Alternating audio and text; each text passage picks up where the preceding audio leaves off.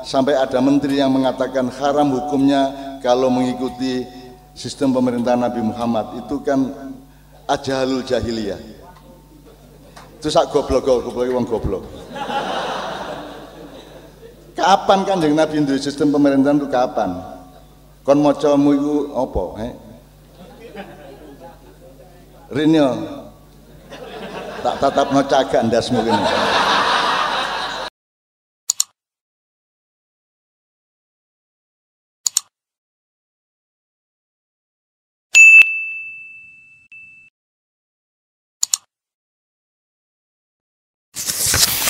Jakarta gak jelas. Mulane ibu kota Indonesia nek kata pindah ya rene rek nang Jombang rek.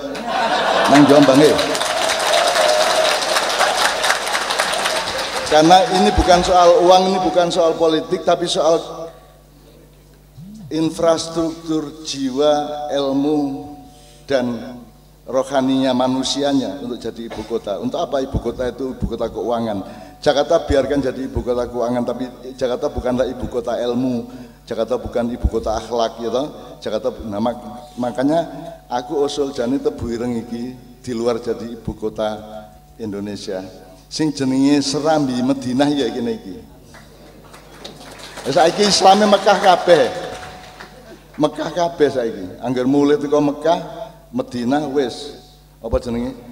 Pokoke kereng ana wong sembayang jadi salah no salah mari sembayang jadi salah-salahno. Ndudenge kudu jelas rene tarin tarini cek angel wong saya karena Islamnya Islam Mekah. Nah Mbah Hasim sampai Gus Dur sampai Gus Solah itu Islamnya Islam Madinah. Islam Madinah itu bukan Islam kekuasaan tapi Islam silaturahmi dan khilafah. Khilafah itu artinya kita punya ilmu dan kreativitas untuk mengelola segala sesuatu.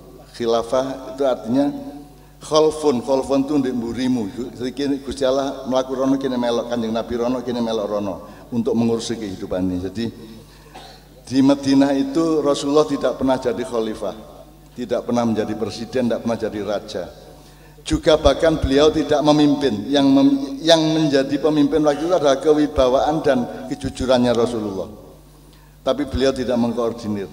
Jadi rakyat warga Madinah dibiarkan untuk berunding sendiri untuk masalah-masalah yang mereka hadapi sehingga muncul sampai 47 piagam apa pasal piagam Madinah itu dan Rasulullah di sana tidak nyuruh-nyuruh orang Islam masuk Islam, tidak nyuruh orang untuk masuk Islam. Rasulullah di sana umat Islam hanya 15 persen. Jadi yang dilakukan Rasulullah begitu ke sana adalah mencari sumber air, terus mempetakan mana tanah untuk pertanian dan mana tanah untuk kemudian dia mempelajari segala sesuatu yang menyangkut desa Coro dan negara Toto di Madinah dan tidak pernah menjadi khalifah, tidak menjadi jadi kalau kita sampai ada menteri yang mengatakan haram hukumnya kalau mengikuti sistem pemerintahan Nabi Muhammad itu kan ajalul jahiliyah. Itu sak goblok goblok wong goblok.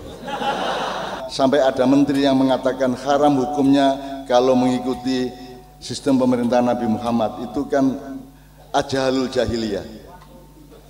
Itu sak goblok goblok wong goblok. Kapan kan yang Nabi itu sistem pemerintahan itu kapan? Kon macamu itu apa? He? Rinyo tak tatap no cagak ndasmu ini. Kapan kan yang Nabi itu sistem pemerintahan itu kapan? Kon macamu itu apa? He? Rinyo tak tatap no cagak ndasmu ini. Kapan kan yang Nabi dari pemerintah lo kapan? Gak tahu ono sistem pemerintahan. Yang ada adalah punokawan dan ponokawan. Kalau bahasa Jawa, nek punokawan itu orang yang menemani rakyat dengan ilmu dan kebijaksanaan. Kalau ponokawan orang yang menemani rakyat dengan cinta dan kesetiaan. Itulah yang dilakukan Rasulullah di Madinah. Tidak memimpin secara formal. Nah, mulai Islam dari blunder itu ketika ada Khalifah Khulafaur Rasyidin Abu Bakar, As-Siddiq, Umar bin Khattab, kemudian Utsman bin Affan, kemudian Ali bin Thalib, kemudian al al khulafa ghairu rasyidin ba'da ba'da ya. Sing rasyidin mek papat liyane gak rasyidin kabeh. Dan berkembang Islam ke mana-mana ini oleh yang ghairu rasyidin ini. Itu teman sekalian. Nah, jadi menurut menurut menurut saya khilafah itu bukan sistem pemerintahan negara khilafah itu adalah sumber cara berpikir untuk mengurusi apa pun saja dalam hidupmu dari keluargamu, dirimu sendiri, hatimu, pikiranmu, kebunmu, sawahmu, tanamanmu, kencingmu semua kamu urusi, kamu kelola dengan khilafah itu. Jadi khilafah itu bukan satu bahasa yang bisa dikonotasikan secara padat menjadi sistem kekuasaan. Tetapi kadung Abu Bakar dari khalifah wong Syiah nek tak kandhani kuwi yang sing salah Abu Bakar iku ben lapo dadi khalifah bareng Kanjeng Nabi gak tau dadi khalifah. Seneng atine ya. Nguh gitu cak iya iya. Sing luwih salah meneh Ali ngono. Lho apa? Lah Ali kok gelem-gelemen terusno lho. Nek aku dadi Ali, aku ngelompokno kabeh tak makiyahno kabeh. Tak kelompokno rek, wis aku aku gak usah dadi khalifah gak patheken rek. Tapi ayo ngat diatur bareng gawe perjanjian bareng ya apa enake terus iki. Mari matine Sayyidina Utsman wis mari ngono timbane kon mateni aku utawa aku mateni kon ya saiki ayo rembug bareng-bareng ya apa? Nah itu yang dilakukan Rasulullah bukanlah khilafah dalam arti padat kekuasaan tetapi adalah kebijaksanaan untuk mengelola tata kehidupan di lingkungan Madinah pada waktu itu. Makanya saya membayangkan sebenarnya saiki wis ana serambi Mekah ini nek prasaku ya semua pesantren Tebuireng harus menjadi serambi Madinah. Jadi urusannya kami me apa jenenge tauhid dan akhlak urusannya itu adalah silaturahmi, urusan pluralisme, urusan bertani, urusan berdagang dengan baik. Itu madaniyah namanya.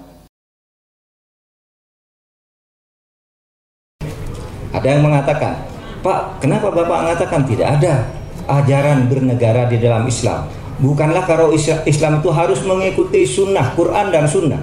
Sedangkan sunnah itu artinya antara lain apa yang dilakukan oleh Nabi. Oke, itu artinya ya.